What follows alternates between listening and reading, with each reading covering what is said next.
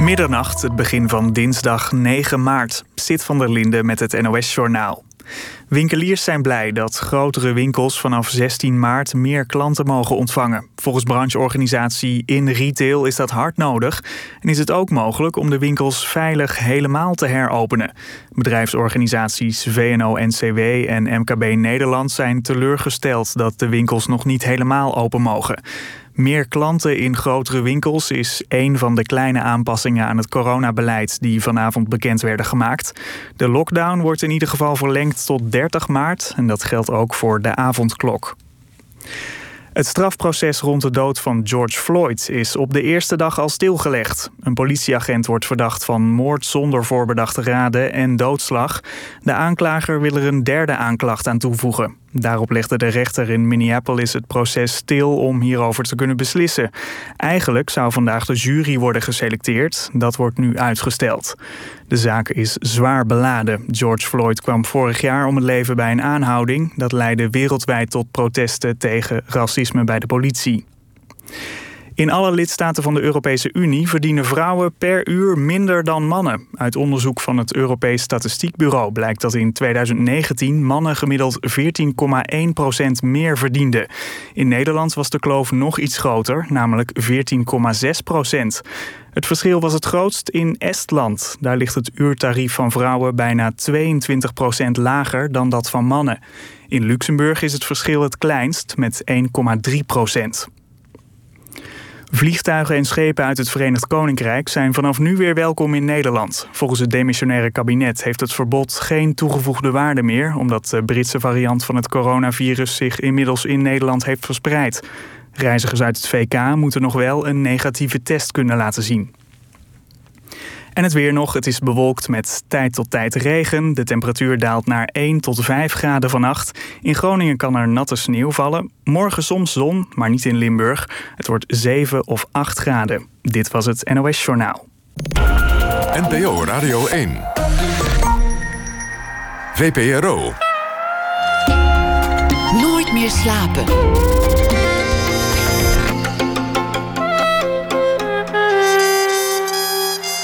Pieter van der Wielen. Goedenacht en welkom bij Nooit meer slapen. Mijn gast komend uur wekt de indruk een geboren rebel te zijn. En dat bedoel ik als een compliment. Zonder rebellen zouden we nog onder de knoet van de feodaliteit leven. Had niemand ooit van stemrecht gehoord. Kortom, we hebben rebellen nodig. We moeten de rebellen omarmen. Maar niet te veel, want dat vinden rebellen natuurlijk niet leuk. Kautar Dramoni werd geboren in Tunesië. Buitenshuis waren de mannen de baas, binnen de vrouwen. Maar Darmoni had een ontembare behoefte om uit te vliegen. Ze zou vertrekken naar Parijs en daar studeerde ze genderstudies en andere studies. En na enkele omzwervingen streek ze neer in Amsterdam, waar ze nog steeds woont.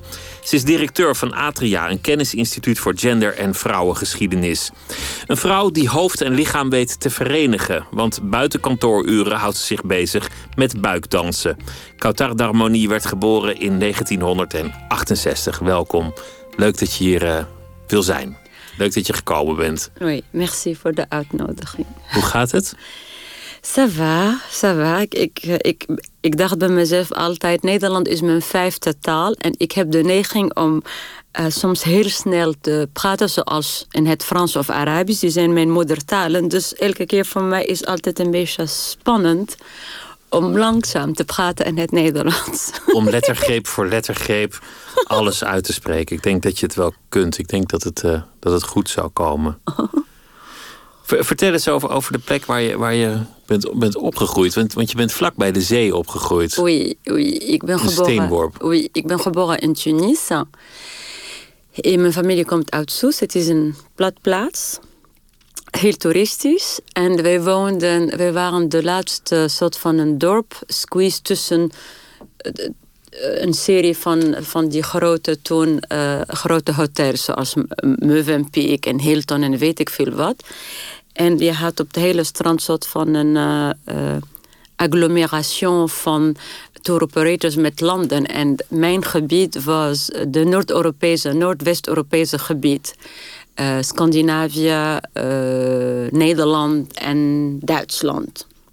Dus uh, ik ben opgegroeid. Ik denk daar kwam mijn eerste onbewuste interesse voor Noord-West-Europese culturen en landen eigenlijk.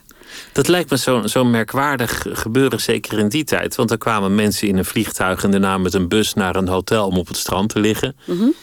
En dat betekent dat, dat er op dat strand een hele andere cultuur heerste. Mensen in bikini of, of misschien topless. Ja. Die, die er lagen te bakken en te braden. Ja. En jullie zagen dat, maar jullie groeiden op in een totaal andere morus. Ja, het is, het is, uh, dan zag je bijvoorbeeld uh, hoofddoeken of uh, bedekte vrouwen naast vrouwen topless zwemmen. En dat, ik vond dat mooi dat het toen in Tunesië wel mocht. Maar die enige is, ik dacht omdat ik nog steeds heb ik hekel aan bijvoorbeeld als ik een bikini heb van die witte plekken. Dus dacht ik, oh, zij zwemmen ook topless, die vrouwen. Dus dat kan ik ook. En toen, eh, nee, dat mocht niet. Omdat uh, ja, die, zijn, die komen uit een andere cultuur, andere land. En ze komen hier, zij mogen wel, maar jij niet. En dat bij mij was de eerste discrepantie van... Uh, waarom niet? En, dat, en, toen dacht ik, nou... Dus voor jou golden andere regels omdat je Arabisch was? Ik, ik, ja, ja, ik werd op een gegeven moment... Ik was ik denk ik was 16. En ik was echt, het was op strand en ik ging, het was een, een, ik weet het nog, hotel toen Movenpiek. En ik ging helemaal achter topless. Uh, en dan kwam, kwam op een gegeven moment iemand van de hotel. En die zei tegen mij, je moet je bikini top aandoen. Ik zeg, nou, uh, de rest niet, waarom ik wel. Nou, jij doet dat. Ik weigerde, toen heeft hij de politie gebeld. Toen kwam de politie op paarden, op strand. En je gaat nu je bikini aandoen. Ik zeg, nee. Ik zeg, nou, als je, dan heb je hier honderden vrouwen met uh, blote borsten op strand. Als zij allemaal hun bikini aandoen, dan doe ik zelf. Dan zegt de politieagent, nee, maar dat is anders omdat die zijn... Um, andere vrouwen zeggen, nou, ja, die zijn niet moslim en die zijn niet Arabisch. Zeggen, nou, kan je aan de borsten zien uh, of zijn moslimborsten of Arabische borsten? vind ik heel knap. En toen, ik weigerde, toen ben ik genomen naar het politiebureau. En toen was het een ellende, omdat mijn vader moest, mijn vader was een imam. Dus het was, het was pittig. Maar dat was voor mij de eerste besef toen ik dacht... nou, straks ga ik wonen in de landen waar die vrouwen vandaan komen. Lijkt me makkelijker. Dus jij vond dat aantrekkelijk? Jij, jij dacht, daar wil ik bij horen. Je had ook, je had ook kunnen denken, ik vind het, ik vind het walgelijk of afstotelijk. Die, die zijn losbandig. Jouw reactie was juist heel positief ten opzichte van Ja, nee, omdat ik vond die vrijheid. En dat vrouwen konden eh, beschikken en beslissen over hun eigen lichaam in het openbaar. Omdat in Tunesië, als Arabische islamitische land, mocht dat niet. Je kon alles thuis doen wat je wou. Eigenlijk vrijer dan hier, heb ik ontdekt later. Maar op straat uh, moest jij uh, met een, een, hoofddoek en bedekt. En, uh, en, en, dat, vond ik, ja, dat vond ik niet fijn. Omdat ja, waarom ga je beslissen voor mij wat ik doe buiten en binnen? Wie ben jij om over mijn lijf te beslissen eigenlijk? Maar ze lieten je wel daar rondlopen, want je liep over dat strand. Mocht dat zomaar? Nee, maar ik deed... Oh, je deed dat gewoon? deed dat gewoon. jij, was, jij was een brutaaltje toen je klein was. Uh, je sais pas si j'étais brutaal. Ik kon het niet niet doen. Ik, ik, kon, ik, ik word echt... Ik, ik, was, ik heb ik ben uh, zo vaak mishandeld als klein meisje al vanwege dat gedrag, omdat ik weigerde gewoon. En mijn oma, mijn oma zei altijd en mijn moeder zelfs van oppassen, op één dag word je gewoon echt vermoord met jou, met jou, met, met jouw gedrag. Maar ik kon het gewoon niet, niet doen. Ik wist dat ik als ik thuis kwam, dat ik gewoon uh, zo, dat ik een, gewoon een slag, uh, of dat ik word gewoon... Uh, je zou geslagen worden, dat wist je en toch... dat wist ik. Dat wist toch ging je weer? Oui, oui, oui. Het was voor mij gewoon een, uh, een feit. Er viel niets aan te doen. Het was, het was aangeboren deel van je, van je zijn. Maar ik zeg ook, mijn oma en mijn moeder en iedereen waren ook best rebels. Die enige is, ik ging, en dat heb ik van hun geleerd, dat je moet altijd verder gaan. Dat is wat zij aan mij geleerd hebben. Met die emancipatie en bevrijding van de vrouw. Dat jij, wij zijn tot hier gekomen, we konden niet verder. En het is nou up to you om ons verder te brengen naar de volgende stap. Maar ik denk dat ik ben... Um, te ver gegaan voor hen. Omdat mijn oma zei altijd, je bent 50 jaar verder. Dat kan niet. Kleinere stappen nemen. Ja, baby steps. Omdat anders wordt het te veel. En, maar ik, ik vrees dat het is de story of, of my life. Omdat Zo gaat het altijd bij jou. Nee, maar ik heb het ook nu niet. Uh, ook nu in Nederland bijvoorbeeld. Waar mensen zeggen tegen mij letterlijk. Uh, ook Nederlandse feministen. Uh, je bent twintig jaar verder. Je moet een beetje rekening houden dat wij zover zijn we ook nog niet. Je moet slow down. Maar ja, dat is, dat, dat is niet in mijn natuur. Nou ze hebben mij daar. Uh, ik werd gevraagd, maar ik heb gesolliciteerd bijvoorbeeld als directeur van Atria. Juist om feminisme naar de volgende stap te nemen in Nederland. En uh, juist naar de volgende generatie en naar de jeugd. En, en uh, innovatief en, en, een beetje revolutionair en een, nieuwe impuls. Ik heb van de, onze OCMW-minister persoonlijk gekregen. Wat gaat Atria doen om zich te binden aan de jonge generatie? Innovatief. En dan denk ik, oké, maar soms ben ik een beetje te innovatief. En dat kan ook uh, frictie. Uh, ik geloof, niet, ik geloof niet in kleine stapjes. Ik, ik geloof dat je dan uiteindelijk zulke kleine stapjes neemt dat mensen denken: ze vinden het wel best. Ik, ik denk dat je af en toe mensen moet bruskeren om verder te komen. Ik weet het niet, ik weet niet beter. Het is, wat was er van je geworden als je, als je was gebleven in, in Tunesië? Hoe was dit afgelopen? Dood dood. Het, het had je je leven gekost. Ja, ja, ik heb het ook uh, vaak ook uh, als klein meisje al dat ik dood wou, omdat ik vond het zo uh, ondraagbaar, zo um, insupportable. C'était tout simplement insupportable. Dus je was doodgegaan door, door je eigen toedoen? Of, ik of... denk als ik, als ik, ik heb zelfmoordpoging gedaan in Tunesië toen ik 17 was. ik, heb, ik was altijd. Um, ik hield altijd van excelleren. Ik hou, er is iets dat ik echt... Ik heb niet zoveel allergie. Ik heb allergie voor uh, médiocrité. Ik kan niet tegen mediocre. Middelmatigheid. Oui, je supporte pas la médiocrité. Alors, euh, dus ik, ik heb altijd geëxcelleerd op school, omdat ik wou nooit mediocre zijn. Maar ook omdat het was de deal, omdat als ik goed op school ben en ook de top drie van de school, dan word ik niet uitgehuwelijk of aan een man gekoppeld. Of, dat was voor mij de grootste nightmare. nachtmerrie. Dus ik was altijd de top, like over-delivering, zodat zij niet gewoon, dat ik buiten gewoon hun bereik was. En dus ik heb uh, best jong, ik was nog geen 17 toen ik mijn baccalaureat gehad heb. Dus, dus voor jou was leren, ja. je best doen, ja. zorgen dat mensen doorhebben dat je slim bent de manier om te ontsnappen aan een, een lot van bijvoorbeeld uithuwelijking of wat ja, dan ook? C'était mon passeport pour la liberté, tout simplement. Dat was het ticket naar vrijheid. C'était vraiment mon passeport. Ouais. Et, uh, wie, wie, heeft je dat, dat geleerd? Of hoe heb je dat uitgevonden? Oma. Je oma. Ja, mijn oma zegt: uh, uh, kennis is macht. Dus zorg dat je zoveel kennis hebt. En, en mijn moeder zei, als je gaat studeren of whatever you do... zorg dat je altijd in de top bent en dat jij de hoogste diploma haalt. Daarom ook voor mij was het altijd obvious dat ik een PhD ga hebben bijvoorbeeld. Dat wist ik al. Gewoon, dat was de target. Als meisje wist je al van ik moet leren. En, oui, en, en dat, dat is van jouw oma eigenlijk. Ja. Als, je, als je het zo beziet, heel... Aan de ene kant was zij ook een rebel, maar het is ook heel liefdevol geweest om jou die les mee te geven, zo jong. Ja, dat is, dat is dat onafhankelijkheid. Dat zit ook in dat, uh, ik denk, Tunesische DNA van dat, uh, dat feminisme. Ik denk, feminisme in Tunesië is, is, is begonnen voor, voordat het überhaupt. Het, het is begonnen in het begin van de 19e eeuw al. Met het Tahar Haddad en met.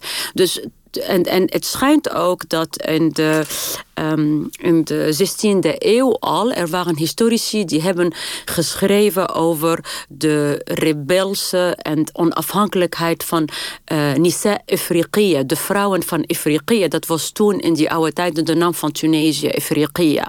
Dus Tunesische vrouwen waren ook van oudsher ook rebels en onafhankelijk. Dus dat, dat, dat, is, dat zit in de ziel van de DNA van de Tunesische vrouw, denk ik. Het is, het is iets dat voor, voor mij moeilijk te begrijpen is. Want je zei net dat je later hebt uitgevonden dat, dat Tunesische vrouwen in bepaalde opzichten vrij gevochtener waren dan de vrouwen die je in Europa ja. zag. Want je had een soort ideaalbeeld van Europa, daar is de vrijheid. Ik moet zorgen dat ik daar terecht kom. Ja. En toen je daar een tijdje was, dacht je ineens: hé, hey, maar, maar eigenlijk waren die vrouwen thuis vrijer in bepaalde opzichten. It's, it's, you know, ze zijn trots op hun vrouw zijn. Er is een bepaalde ambitie dat jij. Um, dat jij. Er is een heel sterke matriarchale cultuur. En de matriarchale cultuur betekent dat van uh, deep down, I am equal to man. Die enige is vanwege de omstandigheden heeft de man de politieke en de economische machten vanwege het context of vanwege het lot of whatever Maktubi wil het noemen, maar deep, deep down, de matriarchaten is diegene die geboorte geeft aan een patriarchaat. De patriarchaat is een deel van het matriarchaat. De man is een deel van de vrouw. Daarom ook denk ik ook waarom is uh, Tunesische feminisme was altijd, vind ik, meer compassionate en uh, er is meer medelijding en mededogen met de man dan westerse feminisme, die ik persoonlijk, especially in het Nederlandse feminisme, waar ik soms vind really harsh to the man streng naar de, naar de mannen toe. maar, maar, kun je het uitleggen? Want de man, komt de, man is buiten, de man is buiten de baas. De, man is geboren uit de vrouw. Maar thuis is, is de vrouw de baas. Yes. En, en, en ook, gek genoeg, waar je ziet ook met de MeToo nu... waar de grootste, the biggest wound dat is gedaan van de man naar de vrouw is geweld. Geweld is de grootste wonde dat de man door de eeuwen heen heeft de vrouw, aan de vrouw, op de vrouw opgelegd. En het bijzonder ook sexual violence, wat je ziet ook nu met de MeToo. Maar dat, dat geweld en dat seksuele geweld komt oorspronkelijk van het feit dat dat, dat man, en dat is vind ik de mooiste en het ellendige, die man was ooit een kleine jongen. En wat is gebeurd met dat kleine jongen? Hoe is dat kleine jongen een tiran geworden? Hoe is dat kleine jongen zo'n tiran geworden dat hij terroriseert en hij misbruikte dat womb, dat baarmoeder, die heeft hem het leven gegeven. Dat, dat hij gaat dat baarmoeder verkrachten. That's very violent ook. De man, het geweld van de man naar de man toe, naar zichzelf. And this is something that we always keep in mind when we look at man from feminism in Tunisia. Always. Dit is iets wat, wat, een, wat Nederlandse feministen niet gauw zouden doen. Zich de vraag stellen waarom ja. doen mannen aan seksueel geweld? Yes. En, en jij, jij stelt die vraag op een, op een heel empathische yes. manier. Alsof je, alsof je ook een soort medelijden hebt, want je, want je noemt het een jongetje. Yes. En, en dat heb ik eerlijk gezegd nog niet, niet zo vaak gehoord, dat iemand dat deed. En dat is voor mij waarom ik... Uh, ik voel me altijd... Dat kant kon ik niet, nooit connectie mee maken met westerse... en het bijzonder Nederlandse feminisme omdat in, in Afrika, we hebben het concept van Ubuntu. Ik ben omdat jij bent. Dus het geweld van de man. Er is iets dat ik als vrouw waarschijnlijk of als moeder... in mijn opvoeding naar de man toe... niet heb duidelijk gecommuniceerd. Dat maakt dat die man zo geworden is.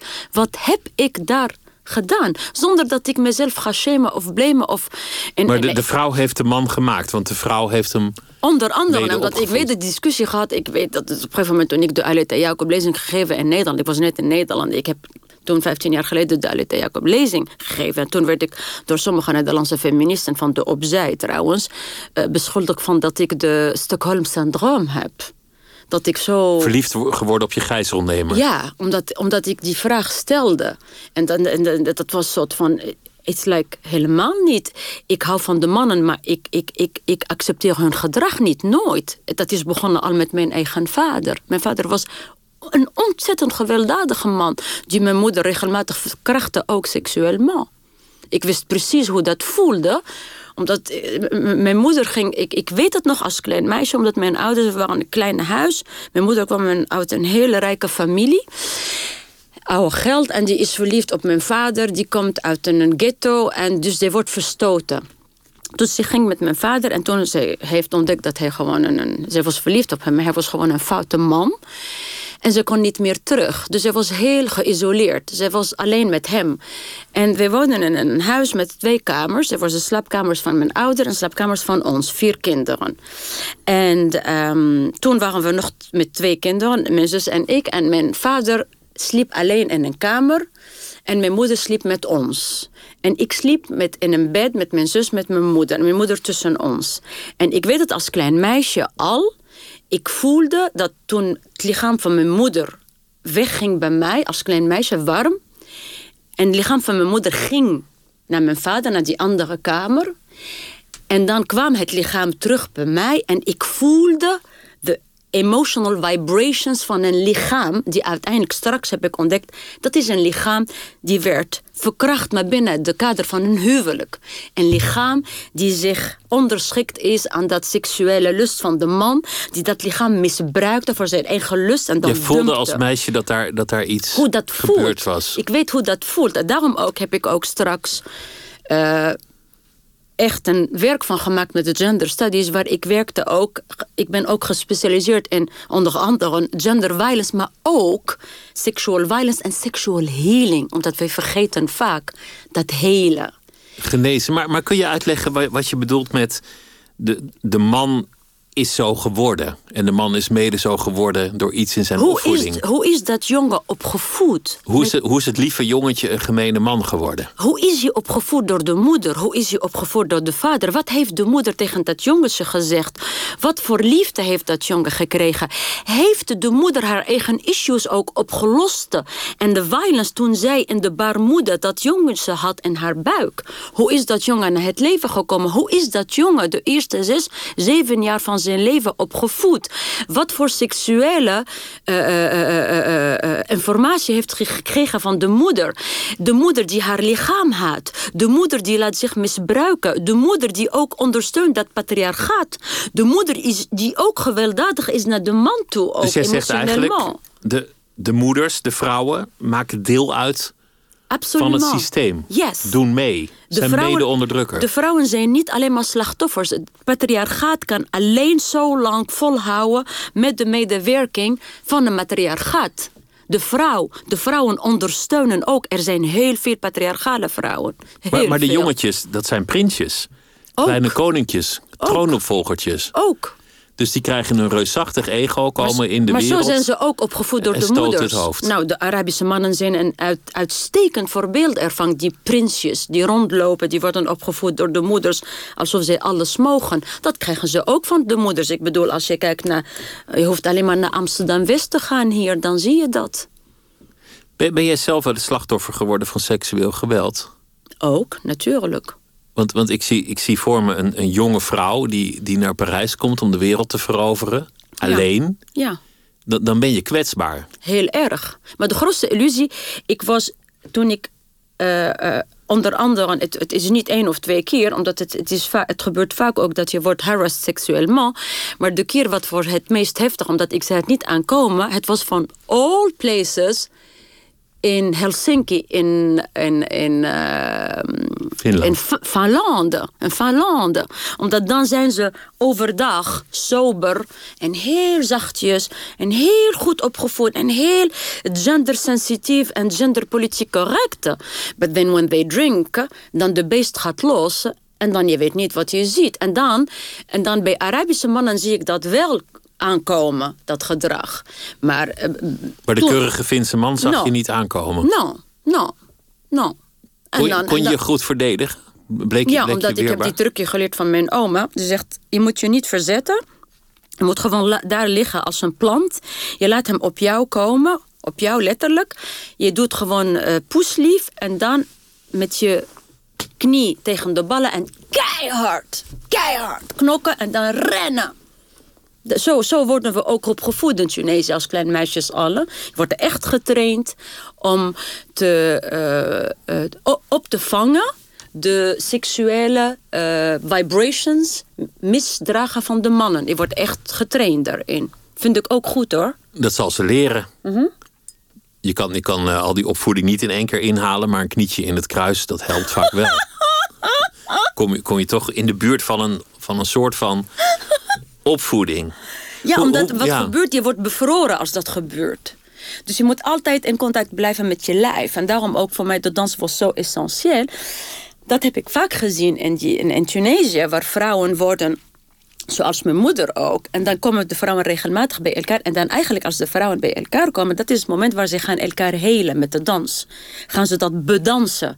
Die verkrachtingen, die violence, dat allemaal gaan ze van zichzelf bedansen en letterlijk, letterlijk ook afschudden van, zich, van hun lijf. Met bepaalde technieken, danstechnieken die zijn 4000 jaar oud. En dan werden ze elke keer herboren. Dat vond ik echt zo'n wonder hoe dat gebeurt. Ook heel snel. En ik denk dat is denk ik een van de uh, wonders van de Arabische islamitische culturen en culturen waar mensen dansen en zingen, dat, dat, dat is in kunst. Dat is zo helend, zo helend. En daarom ben ik ook zo gehecht aan de dans. En dat is de reden waarom ik begon op een gegeven moment uh, de dans te gebruiken om de vrouwen te helen. Omdat ik dacht, met die gender studies, et cetera, het is allemaal mooi en prachtig, al die theorieën, maar het schiet niet op. Dan ga je niet naar de. Met alleen het hoofd, alleen de theorie komen er niet. Nee, omdat het traumatisme zit in de cellen van je lijf. Niet alleen in je hoofd. Het zit gewoon overal in je lijf. Wat doe je met je lijf? Je kan, je kan, je kan allerlei theorieën, gender en emancipatie en empowerment, alles zo keurig in je kop hebben. Dat is nou allemaal prachtig. Maar uiteindelijk, je moet dat doen met je lijf. Wat doet je lijf? En jouw lijf uh, vaart op jouw subconscious, niet op jouw conscious mind. It's all in the subconscious mind. Het zijn lichamelijke reacties uiteindelijk. Absoluut. Vluchten, vriezen, Ja, uh, especially in het bijzonder op seksuele gebieden. En, uh, en, en seks uh, in, in, in de westerse cultuur en ook in Nederland... voor mij is gewoon een, een, een technische kunstje geworden. En dat is niet omdat... Dat is ja, gewoon techniek, you know. It's pas très intéressant, you know. Sexe is techniek geworden. Oui, oui. Moi, je trouve la sexualité, c'est la sexualité calviniste. It's like now, in, like now in the Netherlands, we hebben geen democratie, we hebben een technocratie. C'est des technocrates. Ils sont pas visionnaires, c'est des technocrates. Heel goede technocraten hebben we ook nodig. Mais il n'y a, pas, y a, y a pas de passion, il n'y a pas de vision, il n'y a pas de... En, en, en de seksualiteit ook, vind ik ook vaak... Ook hier is een beetje technocratie. Ze hebben kunstjes geleerd van de porno, et cetera. Mais, mais c'est pas très, très intéressant. C'est pas très intéressant. Ze raken de goede plekken, maar ze doen het niet met, met gevoel. Het is wel interessant, want jij, jij leeft en werkt in de wereld van, van het hoofd en de theorie en de mhm. wetenschap mhm. en de kennis. Mhm. Maar eigenlijk zeg je, ja, kennis, dat gaat ons, dat gaat ons niet helpen. Kennis is niet afdoende. Omdat kennis is, ik hou van dat holistische approach. Kennis is niet alleen maar intellectueel of mentaal. Bourdieu kwam met het concept van capital. We, are, we have a social capital, we have an intellectual capital, we have an economic capital, we have an erotic capital, we have a body capital, we have a sensual capital, we have an emotional capital. En de hele westerse beschaving draait op Descartes. Je pense, donc je suis. Ik denk, I think, therefore I am. Dus betekent mensen identificeren zich met hun hoofd, met hun brein natuurlijk essentieel. Maar je bent toch meer dan je brein. Je hebt ook een lijf. En dat lijf heeft ook een bepaalde intelligentie. Een bepaalde ook weesheid. Wat doe jij met dat lijf? En in die lijf zit ook emoties. En er is een verwaarlozing van dat emotionele, uh, lichamelijke kapitaal. Zeker in Calvinistische cultuur. Het is wel interessant dat je wordt aangetrokken als meisje tot Noord-Europa. Dat je denkt, daar wil ik heen, daar is vrijheid. Ja. Dat je eenmaal daar allerlei waarden die je over het hoofd zag toen je jong was, bent gaan ontdekken in die cultuur waar je bent opgegroeid. Ja. En dat je eigenlijk denkt, dat heeft ook waarden die ik zou kunnen bijbrengen in het noorden. Ja, maar ik, ik kwam ook naar het noorden, ook naar Nederland. Uh, het Nederland is mijn vijfde land. Ik was, ik heb, uh, ik hou van geschiedenis. En ik, heb altijd, ik was altijd gefascineerd door de Nederlandse geschiedenis en cultuur. En ik vond dat altijd, ik, like, I mean, you know, I mean, ik, ik, heb, ik heb een zoon, die is een Nederlander. En ik ben degene echt die bewaakt zijn Nederlandse identiteit. Because I said to hem met alle respect, I said, les Hollandais, c'est des cultures barbares. Ze kennen hun geschiedenis niet, ze verderen dat niet, ze verwaarlozen hun nationale belang. Ik ga je dat leren, ik allochtoon vanuit Afrika. Omdat het is een heel bijzonder land. Maar mijn referentiekader natuurlijk is begonnen met... Can you imagine? Het was de eerste republiek toen de hele Europa was een monarchie, kleine Nederland était une république. Dat rebelse was in de aarde van de Nederlandse volken. Toen de hele Europa was een slagveld vanwege gebrek aan tolerantie tussen protestant en katholiek en joden. Nederland was een land van tolerantie. Uh, c'est l'esprit de, de, de, dat eigenwijsheid, dat, dat, dat, uh, dat, dat, dat unique spirit, de Dutch spirit. Dat, dat, dat vond ik echt zo bijzonder. Ik dacht, dat is een land, dat is een volk, dat is een cultuur where I would like to, to, to, to belong. Vanuit mijn nomade bestaan. This is, I mean, from all places where I have been, I think Holland was, um, was het meest intuïtieve keus. Ik heb puur op gevoel voor Nederland Je wist het gewoon meteen. Hier wil ik zijn. Het schijnt dat mijn moeder zei toen ik hier woonde en ik had een, uh, een, een, een agenda en dat was een straatje van Vermeer dat ik zei tegen mijn moeder. Mijn moeder zei toen kon je nog niet lezen. Ik was vier. Dat ik pakte altijd uh, de dictionnaire Larousse. Ik opende de dictionnaire Larousse. Ik ging in het midden. Er was een sectie die heet La peinture flamande. Ik wist dat toen niet, maar ik wist dat ook toen ik in Parijs woonde. Ik was altijd ook gefascineerd in de Louvre bij La peinture flamande. En ik ging ook in de Louvre urenlang kijken naar... Um, de twee Vermeers die in de Louvre waren. Maar in Tunesië, ik was gefascineerd door het straatje van Vermeer. En ik zei tegen mijn moeder, daar ben ik aan het spelen met mijn zus buiten. En daar zit jij achter te naaien. En dan helemaal achter was mijn oma en dat is mijn huis. Dus het schijnt dat ik zei toen dat ik daar woonde. Je zag jezelf al in het, in het Delft van, uh, oui. van Vermeer. Et moi, j'adore, j'adore l'architecture hollandaise en de zee en dat. Uh, dat, dat ook uh, la culture navale. moi, je trouve la culture hollandaise très, très fascinante. Er was, er was zo'n discussie onlangs over de gehaktbal versus de couscous. En ik kan de combinatie, oui. dat niemand daarop komt. Want gehaktbal en couscous is een gouden combinatie. Oui. Toen ik hier kwam, ik dacht, that's the perfect match. Me and Holland. Gehaktbal en couscous. Je hebt muziek meegenomen van Oui. Puccini. En dit is een um, aria, niet uit een van zijn bekendste opera's, maar het is wel een van zijn bekendste aria's. Uh, Mhm. Mio babino caro. En die is uh, gezongen in dit geval door uh, Montserrat Caballé. Ja. Thank you.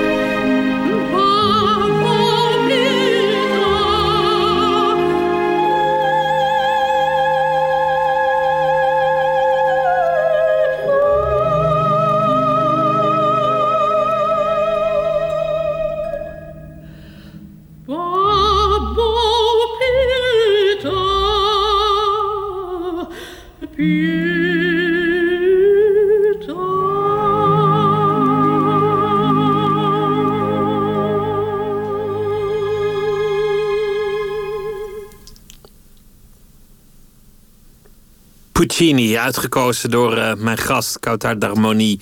En we hadden het over uh, opgroeien in Tunesië. Een geboren rebel ging als kind al naar het strand in de buurt... waar de toeristen in de sector Noord-Europa... Duitsers, Nederlanders, Scandinaviërs... topless op het strand lagen, maar zij als Arabisch meisje werd onmiddellijk onderschept. Een rebel die zei: waarom mag dat eigenlijk niet?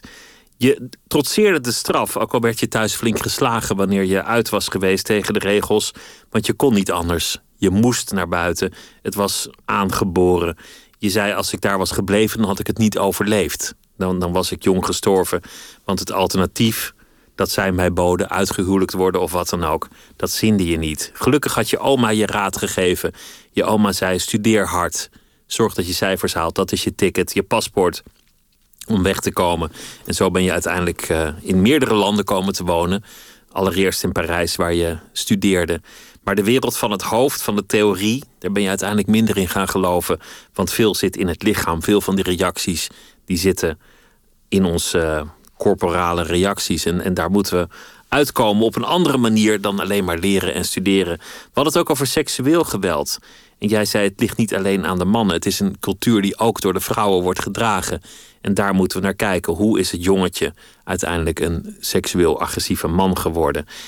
Je bent erachter gekomen dat het hier niet alleen maar een soort walhalla is, maar dat we ook kunnen leren van de cultuur waarin jij opgroeide, de matriarchale cultuur die je binnenshuis zag onder de vrouwen in Tunesië, waar je vandaan komt. En zo kwamen we terecht bij uh, de opera. Ik vroeg me af, want, want je, je gebruikt een aantal keer het, het woord sensualiteit. Mm -hmm. wat, wat versta je daar eigenlijk onder? Sensualiteit is een gevoel in je lijf waar het lekker is. Met jouw zintuigen, met, with your senses letterlijk. En dat kan, ja, dus schoonheid. It's an appreciation van schoonheid met jouw zintuigen. Dat kan met je ogen, dat kan met je oren, dat kan met je huid, dat kan met je tong. Met, dat, dus het is alles wat het uh, lekker gevoel via jouw senses. Die enige is vanwege dat patriarchale cultuur en vanwege het feit dat we hebben door de eeuwen heen een uh, ongezonde uh, manier uh, met omgaan met de seksualiteit en in het bijzonder met de vrouwelijke seksualiteit en het vrouwelijke lichaam, is sensualiteit vanuit dat he hegemon, hegemon c'est de la hegemonie concept, naar een heel narrow concept van seksualiteit en in het bijzonder penetration of, uh, of, of, of, of gewoon een heel vind ik een... Te smalle definitie van wat het is. Uh, un peu, c'est un peu ordinaire, un peu platitude, heel vlak een beetje. C'est pas très intéressant. Dus dat wordt gereduceerd aan dat. En dat betekent dat... Um, in dat patriarchale cultuur de vrouwen hebben de regie verloren over de het seksuele domein waar bijvoorbeeld in matriarchale cultuur, de dans bijvoorbeeld dat ik doe, die heet in het Arabisch Raqsat al-Ilahat, de dans van de godinnen, die is 4000 jaar uh, ritueel, waar je leert vanaf heel jongs af, meisjes en jongens tegelijk, jongens tot de leeftijd van 6, 7, dat hele eigenlijk sensuele, erotische intelligentie, maar op een onschuldige manier, dus totaal los van de seksuele praktisch.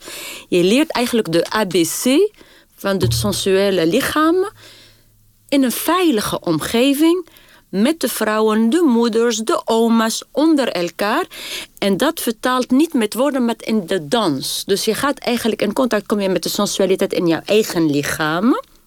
Je ziet ook de reflectie eraan ervan in andere lichamen, verschillende lichamen, jonge lichamen, oude lichamen, dikke lichamen, dunne lichamen, uh, uh, van alles. En als yogi zwem je daar ook in. En dan leer je dat dat sensualiteit, dat eigenlijk in de pure pure sense of de sensualiteit. Die is totaal soort van bijna goddelijk aangeboren iets. En dat is zo rijk qua ervaring. Omdat het maakt dat je voelt je altijd lekker in je lijf.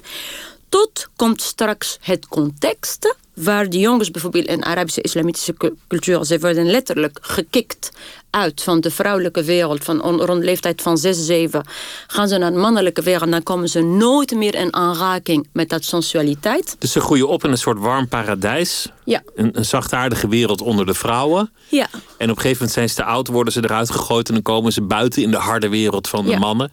En daar moeten ze de baas zijn en daar ja. zit een soort trauma. En daar, er is een heel mooie Tunesische film die is gedaan door een uh, Tunesische regisseur, Farid Bourdier, in de jaren negentig. Die heet, die heet Halfawin, The Boy of the Terraces. Die laat heel goed zien hoe dat kleine jochie bad en dat waarde en dat sensualiteit. En, dat, en dan op één dag, omdat hij de eerste keer een soort van een erectie krijgt of zoiets, dan wordt hij echt letterlijk echt op een met, met, met schande en schaamte echt uitgekikt uit dat wereld. En hoe hij ontwikkelt dat, dat wraak en dat haat en dat, en, dat, en, dat, en dat frustratie naar vrouwen toe, ook op seksueel gebied. Ik denk een grootste deel van de frustratie van heel veel islamitische mannen naar de vrouw toe en dat geweld heeft zijn oorsprong komt vanuit die basic wound. Maar ik denk eerlijk gezegd dat in het Westen dat is niet anders. Omdat ik denk de westerse man die zich zo gedraagt seksueel naar een vrouw toe. Ik vraag me af op welke manier op sensuele gebied heeft hij ooit de sensuele taal geleerd met zijn moeder, met zijn moeders lichaam. Dat wat, wat heeft hij geleerd over, over seks en, en, en liefde en zachtaardigheid? Je, je praat over de, de wereld van de vrouwen en, en de mannen. Mhm. Ik zou graag zeggen dat dat, dat dat hier niet bestaat, maar dat, dat is een leugen. Want we hebben hier ook mannelijke werelden. Nog steeds zijn de directiekamers voor een groot deel mannelijke werelden. Ja. En ook als er vrouwen werken, blijven het in zekere zin mannelijke werelden. Ja, de, de vrouwen in een broekpak die doen alsof ze uh, hetzelfde zijn als, als de jongens. En dat vind ik jammer. En, en, en, en de, bij, de, bij de Nederlandse feminisme en bij de Nederlandse... Ik werk heel veel met, vrouw, met vrouwen in de leadership dat begrijp ik ook. Dat je op een gegeven moment je, hebt een, je moet een prijs betalen. En dan ga je strategisch denken. En dan denk je wat? Ik ga die strategie bewandelen zodat ik one of the boys, zodat ik toegelaten werd. En dan denk ik, oké, dat kan, dat kan ik me mee leven. Maar op een gegeven moment je gaat terug naar verder. Je gaat niet daar blijven hangen. Dat is alleen maar één strategie. Ga terug naar de bron. Omdat die man moet ook... Gun die man ook dat kant van zichzelf ook te ontwikkelen. Die man is, zit ook in de woestijn van sensualiteit. Die, the man has also to be liberated. The man needs to go back home. The man needs to go back to the source. Waarom gun je hem dat niet? En wat is de bron? Wat, wat moet de man... Dat vrouwelijke. Dat vrouwelijke. Dus, dus de vrouw moet weer vrouwelijk zijn en, en de man... Zodat de man ook zich kan verzoenen met zijn vrouwelijke kant. Als ik aan, aan, feminisme denk, denk ik vaak aan mijn, mijn oma, die, die al een baan had als lerares. Maar haar salaris werd gestort op de rekening van haar echtgenoot. Mhm. Dat was heel normaal, tot, mhm. tot in de jaren zestig. Mhm. En in haar contract stond dat als een mannelijke kandidaat zich zou aandienen, dat zij haar positie moest opgeven. Ze heeft de rest van haar leven daarover geklaagd dat dat toen zo was als een onrecht. Maar je kan ook zeggen dat die generatie van feministen hele duidelijke doelen had. Mhm. Wettelijke ongelijkheid aanpakken. Mhm. dat, dat, was gewoon overzichtelijk wat er mhm. te doen stond. Nu is het veel, veel ingewikkelder geworden. Feministische discussies hebben vaak de neiging te ontaarden. In, in gekibbel. Moet de vrouw werken? Moet de vrouw thuis blijven? Mag de vrouw thuis blijven? Al dat soort dingen. We, we zijn eigenlijk een beetje verloren geraakt in discussies. Ik denk als ik, als ik praat met jonge, jonge vrouwen, bijvoorbeeld, ik heb 15 jaar lang gewerkt als assistant professor in gender en media bij de UvA. En als ik begin met discussie over feminisme, zeggen heel vaak jonge vrouwen, en het bijzonder tegen mij, ik ben, niet, ik ben geen feminist. Het was alsof het een vieze woord was. En ik vroeg me af, waarom? Ja, ze zijn mannenhaters, ze zijn dit, ze zijn dat, bla bla bla. Ze zijn zagrijnig, ze zijn Oké, dan broeken, bla bla bla. Toen ik ging me verdiepen in Nederlandse feminisme. Toen ik de Aleta Jacob lezing gaf in 2005. Oké, ik ben met mijn lezing begonnen met... Ehm, ik, ik, sprak toen nauwelijks Nederlands. En toen ik zeg, oké, Nederlandse uitdrukking... eerst je eigen stoep wegen voordat jij bij de buren begint. Betekent, ga naar onszelf kijken als vrouwen. Wat doen we om dit systeem in stand te houden, om te beginnen? Nou, dat was al meteen soort van... Omdat ze wel dat ik ga gewoon op de mannen bashen. Dat is niet interessant, vind ik. Nummer twee is... Um, waarom kunnen jonge vrouwen zich niet identificeren met feminisme? Het is niet alleen omdat jonge vrouwen denken dat er is een deel ervan waar men denkt in Nederland dat de emancipatie is voltooid. Dat is natuurlijk een vast, dat is niet waar. Maar los van dat, wat vonden ze niet aantrekkelijk in het feminisme? En dat denk ik ook, kan ik dat ook mee leven. Er is een gebrek aan humor. Er is een gebrek aan schoonheid. Er is gebrek aan lol. Er is gebrek aan plezier. En ik kan me ook goed voorstellen, omdat ik werk nu mijn hele leven met feminisme. En dan als je met, gaat je bemoeien met gendergelijkheid en emancipatie, kom je heel veel ellende tegen. Het is zo onrechtvaardig. Het is zo pijnlijk. Het is zo. Het, ik, ik ik kan, ik, kan, ik kan echt van ochtends tot avonds zo boos om worden. Echt zo boos op alles. Als je, als je kijkt in 2017, ik, weet, ik, ik, was, ik was woedend. Het jaar van MeToo bedoel je? Ja, maar ook, maar ook in, in, in, in, in... Ik weet dat dat in 2017, toen uh, Mark Rutte zei dat hij had alleen maar twee vrouwen uh, en, en een kabinetformatie. En zegt hij, ja, I cannot see them. Of ik kan hun niet zien. Of dan zeg ik, ja, wat ben je nou voor lul dat je dat zegt? Hoe kan dat? Je bent onze premier. Dat kan toch niet? It's like, how come? It's like, my god, you know. Ik kan zo wanhopig van worden. En dan denk ik, als ik dat zeg, dan ga ik gewoon staan. Ga ik gewoon schudden. Ga ik gewoon dansen. En ga ik echt letterlijk uh, mijn excuses bieden energetically aan Mark Rutte dat ik dat gezegd heb. Omdat dat wil ik niet. Ik wil niet in die dynamiek gaan van haat of van frustratie of van woede naar wie dan ook. En dan, oké, okay, gaan... de man en de vrouw moeten het samen Ja, omdat denk ik, de tekst van de Koran, God have mercy on them because they are ignorant. Dus waarschijnlijk ignorance en gaan we verder.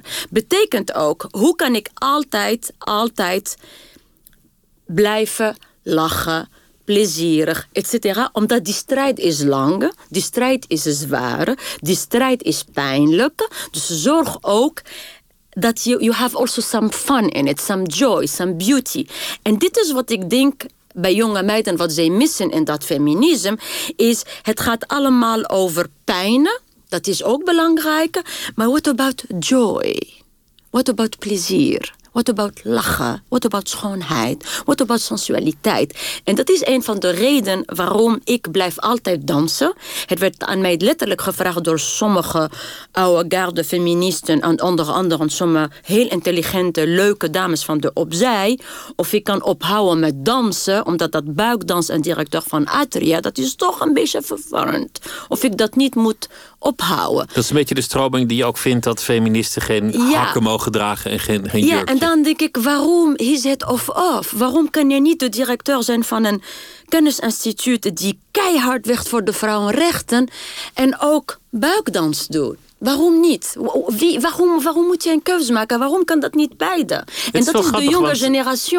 Buikdansen heeft vaak het imago en de connotatie van dat het is bedoeld om, om de man te behagen. Ik zie dan een soort sultan op een enorme troon met heel veel goud. Ja. En dan komen er acht vrouwen voor hem buikdansen en dan wijst hij er eentje aan. Dat is ook een typisch westerse cliché. Dat is het cliché van, van buikdansen. Daarna oui, samen weg op een vliegend Nee, maar dat heeft ook een geschiedenis. Daarom hou ik van geschiedenis. We kunnen zoveel over onszelf leren als we naar de geschiedenis. Dat is begonnen in de 17e eeuw begin 18e eeuw met de eerste historici en reizigers. Die gingen van Europa naar de Arabische wereld. En toen werden ze onder andere Napoleon en zijn soldaten... en ook in Noord-Afrika werden ze uitgenodigd in de huizen van die Arabieren.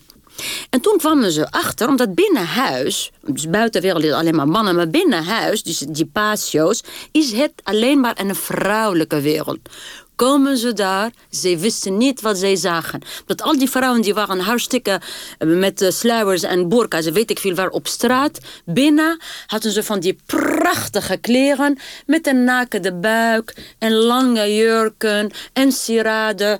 En de soort van een topje die soort van een BH is met een diep decolleté en een nakende buik. Dus dat was al een cultuurshock voor hen, hebben ze niet. En, eh, omdat in Victoriaanse, Calvinistische, protestante Engeland en we noemen maar wat, dus dan zagen ze dat. En om dat nog erger te maken, ging de muziek spelen en dan stonden al die vrouwen en begonnen ze te bedansen. En letterlijk wordt het toen geschreven en, en gingen die vrouwen met de, letterlijk de beschamende delen van hun lichaam dansen. Dat betekent de bekken. Natuurlijk, dat was echt de grootste schande. Dus toen hebben ze, de westerse, westerse historici, hebben ze dat genoemd buikdans. Dat die enige wat ze konden gewoon nakijken en starren is de navel die nakend was. Dus dat is een westerse benoeming. Het is eigenlijk buikdans. bekkendans. Yes. En niet alleen maar dan, omdat we dansen met het hele lichaam. But they were obsessed met de bekken because they came from a very frustrated sexual culture. Eigenlijk de seksuele frustratie, onderdrukking is veel erger in westerse protestante cultuur dan in de islamitische cultuur. Maar buikdans is niet bedoeld om de man te verleiden. Het, is, niet, het is niet in dienst van de man. maar zij hebben dat van gemaakt omdat zij dachten dat die vrouwen hebben voor hun gedanst. Wij dansen gewoon zelfs voor de honden en voor de katten en voor de muren. Maakt niet uit. Maar de man, de westerse man, omdat hij denkt dat alles draait om hem en om zijn piemel, dacht dat het voor hem bestemd is. Dat is gewoon een puur narcissistische penis-obsessie-verhaal van het westerse man. Dat heeft niks te maken met waar ik vandaan kom. Als je, als dat hier, hier doseert aan, aan mensen, die, die, die buikdans, want je ziet het als een, als een bron van genezing. Ja. Als, als een bron van bevrijding. Zo heb ik dat geleerd. Omdat met, met wat ik zei bijvoorbeeld met, met sexual violence. Die vrouwen in Tunesië kwamen. We gingen uh, één keer per week sowieso naar de hammam, Turkse bad. Nou, Turkse bad, wij, namen letterlijk uh, uh, derboeka, drum en de taar, een, een, soort van een, dus instrumenten, basic instrumenten van muziek. En we gingen uh, muziek spelen. En dan in de hammam, we zijn gewoon naakt. Hè? Ziet gewoon allerlei leeftijden. Van 80, 90, 60, 4, maakt niet uit. Dus alleen maar vrouwenlichamen naakt. We gingen dansen ook.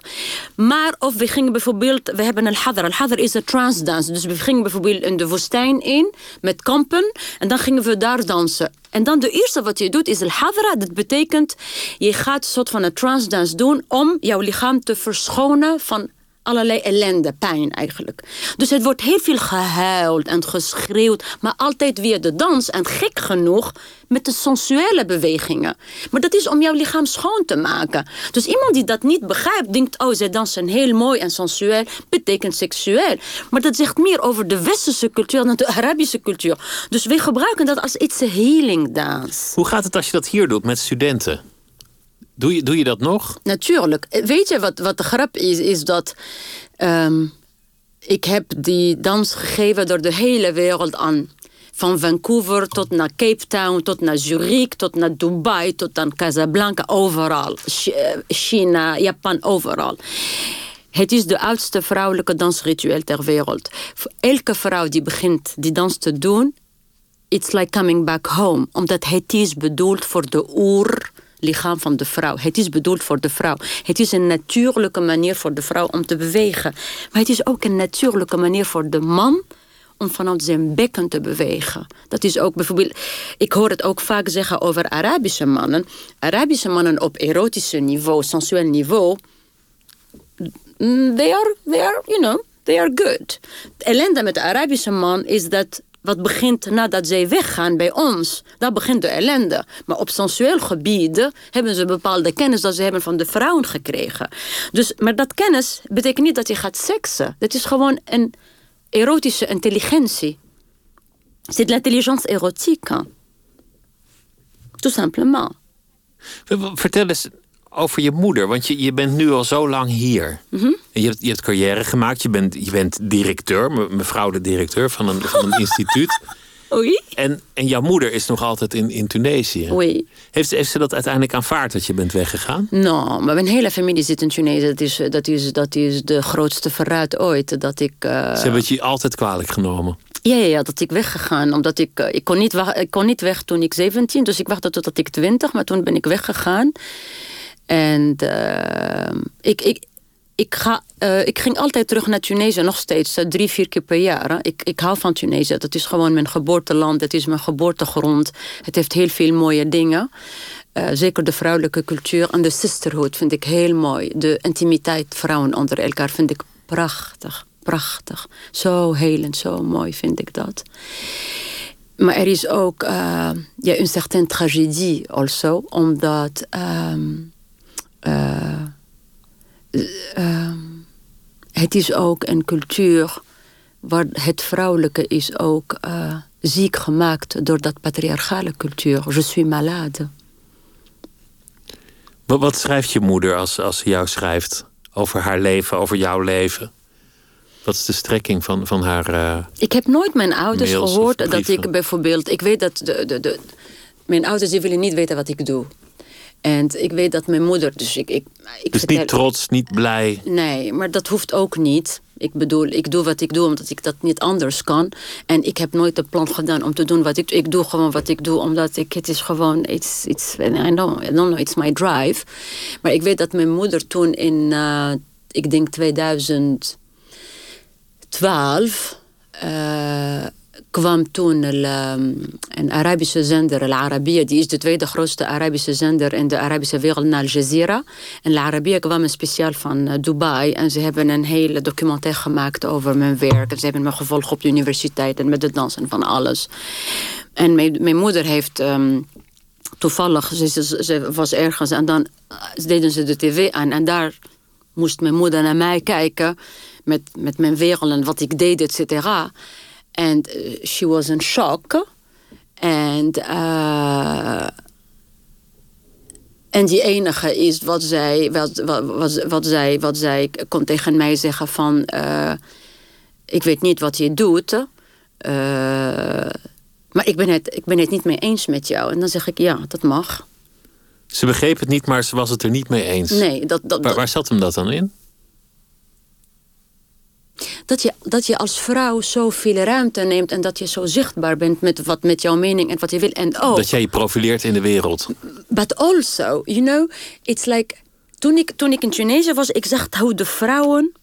om terug te gaan naar dat MeToo en dat seksueel violence. En dat sensualiteit. I think the world has to see that. Has, we, als wij willen stoppen met seksuele geweld tegen de vrouwen, the women have to take the lead and to teach the men and to the world that the fact that I am sensual that doesn't mean that I am fuckable. So dat concept, als je, als je blijft dat binnen huis houden, gaat het niet veranderen. You dus, have to dus go confrontation. Feminisme moet niet een ontkenning van vrouwelijke seksualiteit worden. But you have to take the lead betekent ook uh, om, om, om te gaan over iets anders. Dus ik heb heel lang uh, onderzocht over, over sexual violence, onder andere. Bijvoorbeeld in, jarenlang ook in Egypte. Omdat Egypte had tot 2000, eh, ik denk 4 of zelfs 10... een van de grootste uh, cijfers ter wereld over sexual harassment op straat. En wat je zegt over in Egypte, echt, ik zeg het echt... 15 jaar lang heb ik, elke jaar ging ik twee, drie keer naar Cairo. Ik werkte met de universiteit daar elke jaar meer en meer vrouwen dragen uh, hoofddoek. Uh, 50%, 60%, 70%. En dan boerken en dan dit. En hoe meer vrouwen zich gingen bedekken, hoe groter is de sexual violence en harassment op straat. Dus hoe meer vrouwen gaan dat onderdeel van hun lijf bedekken en ontdekken en beschermen en onzichtbaar maken, zodat zij worden niet harassed door de mannen, hoe gewelddadiger de mannen worden because they don't get the possibility to learn. You have to educate them. Dus vrouwen moeten zich niet, uh, niet verstoppen. Maar hetzelfde in Nederland. Nederlandse vrouwen, als ze in het bedrijfsleven zijn en ook in de leadership, gaan ze zich bedekken met mannelijkheid. Met een mannelijke gedrag, met een mannelijke manier van doen, met een mannelijke manier van dingen, met een mannelijke manier van aankleiden. Hoe gaan de mannen leren dat vrouwelijkheid gaat prima samen met zakelijkheid? Dat als een vrouw sensueel of mooi is, betekent niet dat zij dom is. Hoe gaan ze dat leren als zij blijft met die domme regels spelen? Zoals Arabische vrouwen, islamitische vrouwen zich bedekken. Hoe, ga, hoe gaan ze dat leren? C'est le même mécanisme. Het is helder, dankjewel. En als het dan niet lukt, heb je altijd nog een uh, knietje in het kruis. Een advies van je oma.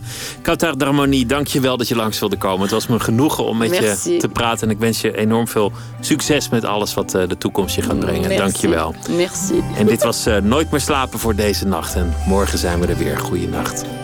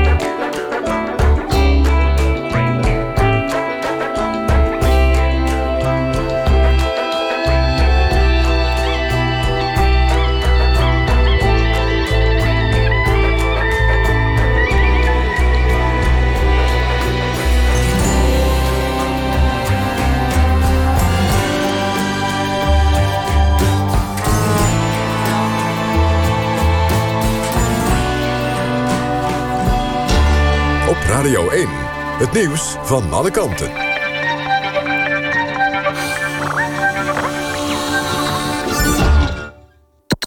NPO Radio 1.